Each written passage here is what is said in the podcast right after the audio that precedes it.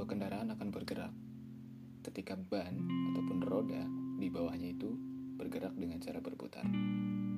Begitupun dengan hidup kita, selalu berputar. Halo, selamat datang di podcast Tapak Cacak. Kembali lagi di sesi obrolan santai sih. Gak tahu sih, sebenarnya nggak ada sesi khusus ya. Karena apa pun yang saya pikirkan ya itu yang mungkin bisa saya bagi buat kawan-kawan. Buat saya juga sebenarnya. Seperti kutipan pertama tadi bahwasanya hidup kita akan selalu berputar. Iya berputar. Istilah kerennya siklus. Bahwasanya kita semua akan melalui siklus yang sama. Kita semua akan mendapati siklusnya masing-masing dan itu sebenarnya sama hanya saja proses yang dilalui setiap orang itu berbeda-beda. Karena kita hidup diberkahi dengan pemikiran, kita hidup diberkahi dengan emosi, dan kita diberkahi dengan kehidupan yang sempurna, dengan akal, hati, dan lain sebagainya. Itu yang membuat siklus setiap orang berbeda-beda. Namun, pada umumnya, semua siklus buat saya adalah sama. Prosesnya seperti itu, alurnya seperti itu. Siklus. Ada empat siklus yang saya klasifikasikan berdasarkan apa-apa yang pernah saya alami dan saya amati di sekitar saya dan sependek pengetahuan saya. Siklus pertama itu diawali dengan asing. Percaya nggak sih kawan-kawan bahwasanya kita semua adalah asing saya dan mungkin teman-teman yang mendengarkan adalah dua orang asing ataupun orang-orang asing yang nggak tahu nih sebenarnya siapa, di mana, dan asalnya dari mana nggak tahu kan. Makanya kita semua sebenarnya adalah asing, meskipun kita adalah saudara jauh, kita adalah anak keturunan orang pertama, nabi pertama tapi sebenarnya kita hanyalah orang-orang asing yang sebenarnya jika tidak ada siklus kedua, kita nggak, nggak akan pernah bisa saling berinteraksi. Asing terjadi karena tidak ada siklus yang kedua ini. Lalu sebenarnya siklus yang kedua ini apa? Temu. Setelah siklus pertama asing, siklus kedua adalah bertemu.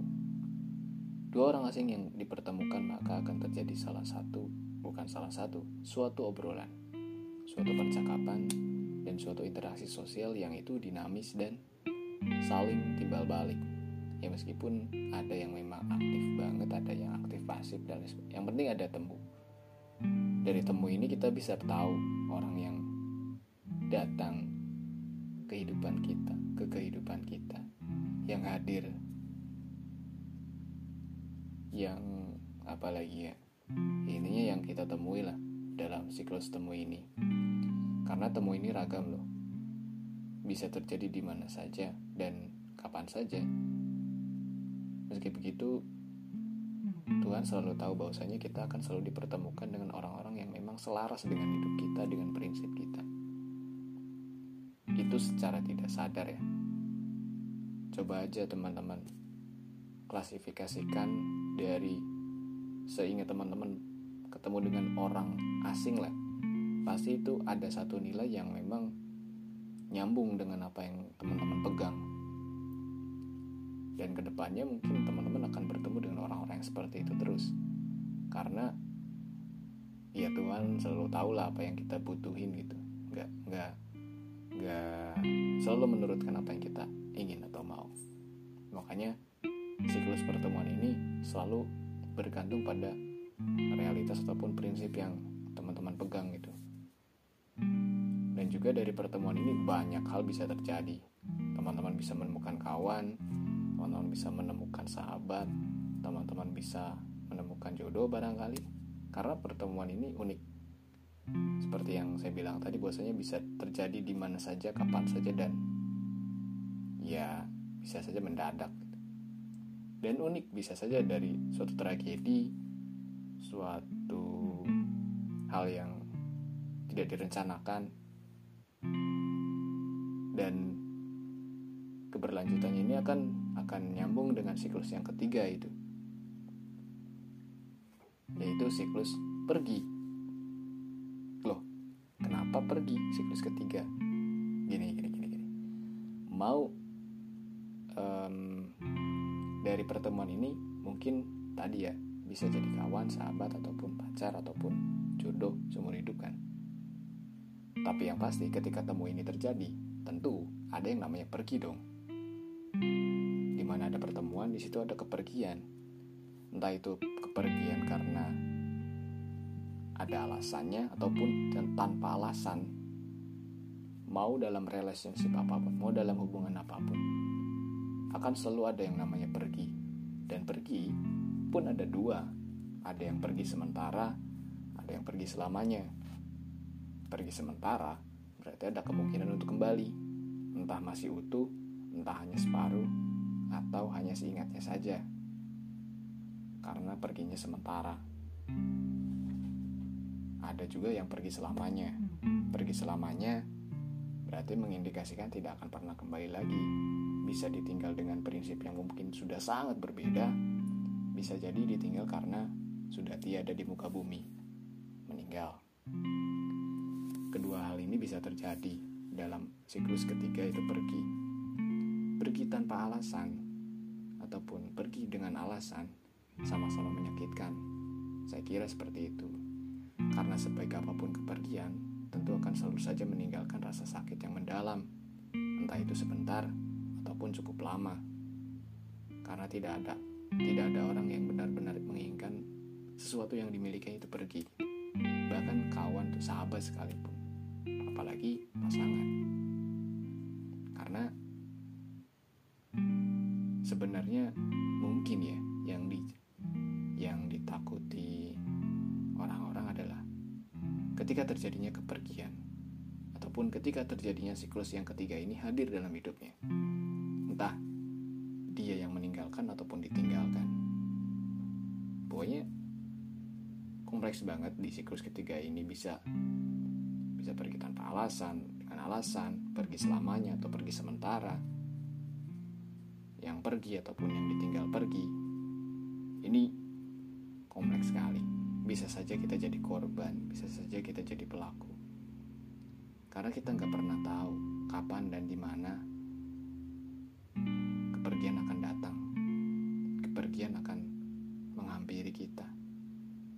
Yang tentunya dampaknya pasti akan memisahkan.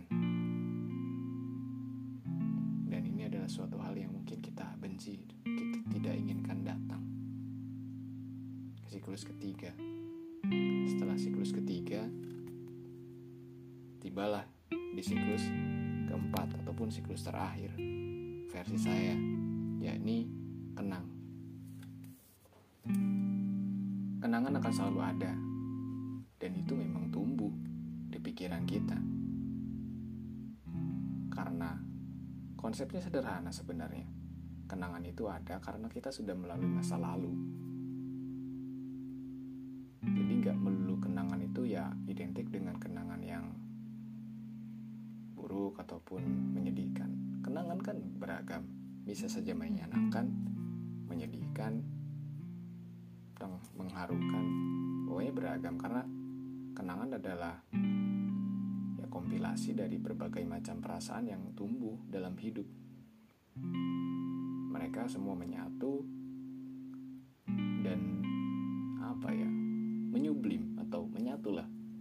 Menyatu dalam satu ruangan yang dinamakan ruang ingatan yang nantinya itu jadi kenangan. Karena ketika kita ingin kembali kepada masa itu kita tidak mungkin benar-benar kembali karena yang bisa kembali hanyalah ingatan. Di mana ingatan itu yang disebut dengan kenangan. Kenangan kan gak melulu buruk ya kata saya juga tadi bahasanya ada baik dan lain sebagainya. Dan kenangan ini nggak nggak nggak seharusnya dikunjungi tiap hari. Ibaratnya adalah sebuah kendaraan ada spion.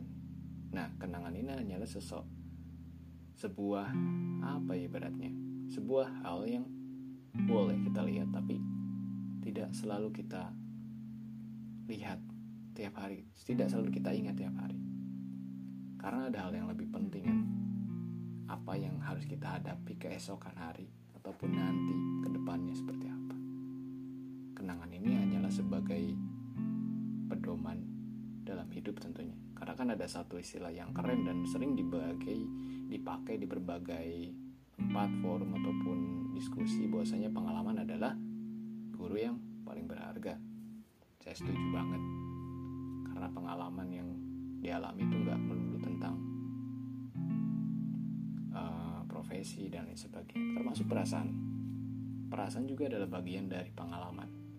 Semakin teman-teman merasakan banyak perasaan sedih posisi ditinggalkan meninggalkan teman-teman akan semakin tahu dan kaya bahwasanya kenangan itu pengalaman itu beragam dan ada motor lewat nggak apa-apa lah ya. Lumayan ramai padahal udah malam. Perasaan itu ya banyak gitu. Kalau teman-teman sendiri nggak nggak merasakan itu semua teman-teman nggak mungkin bakal tahu perasaan orang lain yang berada di posisi itu gitu ya meskipun kita sebenarnya bisa dengan cara membaca mengamati mendeskripsikan ataupun melihat dari kejadian orang lain tapi akan beda rasanya ketika teman-teman juga punya perasaan yang sama dan pernah melewati fase itu. Dan hal ini yang yang jadi kekuatan utama dari kenangan itu ya. Ingatan itu akan selalu nempel gitu bosnya kan dalam teorinya ada yang namanya ingatan jangka panjang, long term memory, dan ingatan jangka pendek itu. Untuk ingatan jangka panjang, biasanya itu adalah hal-hal yang memang berkesan, bisa membahagiakan, menyakitkan, menyedihkan, dan sebagainya. Pokoknya ada satu peristiwa yang itu pasti berkesan. Entah kesannya seperti apa, tapi itu akan selalu diingat. Bahkan ketika kita sudah lama dari kejadian itu terjadi dan itu tersimpan dalam memori jangka panjang. Dan kadang itu bisa saja muncul ketika ada satu momen yang itu bisa menarik kenangan itu kembali muncul, kembali hadir. Ada yang namanya juga tadi kan ingatan jangka pendek. Biasanya ini uh, mudah diingat dan sesekali dipakai dan memang jangka waktunya ini biasanya berdekatan dan kadang mudah dilupakan kalau yang ingatan jangka pendek nih. Nah, keempat siklus tadi asing, temu, pergi, kenang adalah hal yang yang akan selalu berputar dalam kehidupan kita. Ketika kenang sudah terjadi, maka kembali lagi kepada asing. Bisa saja kan jika dianalogikan sebagai hubungan orang yang asing kemudian bertemu kemudian pergi dan hanya jadi kenangan kemudian kembali jadi orang yang asing. Bisa saja. Ataupun bisa dianalogikan dengan relationship ataupun konsep hidup yang lain. Karena ya tadi itu siklus kita itu hanya di situ-situ aja. Empat asing temu pergi kenang. Yang membedakan adalah pengalaman dan proses yang dialami setiap orang dan itu adalah suatu yang unik. Dan ketika kita mau berbagi dengan hal itu di sanalah kita banyak belajar. Di sanalah kita tahu bahwasanya kita nggak pernah sendiri ketika kita menemukan seorang yang sama dengan kita. Percayalah hidup ini sangat luas. Tidak sesempit yang kamu pikirkan. Tidak se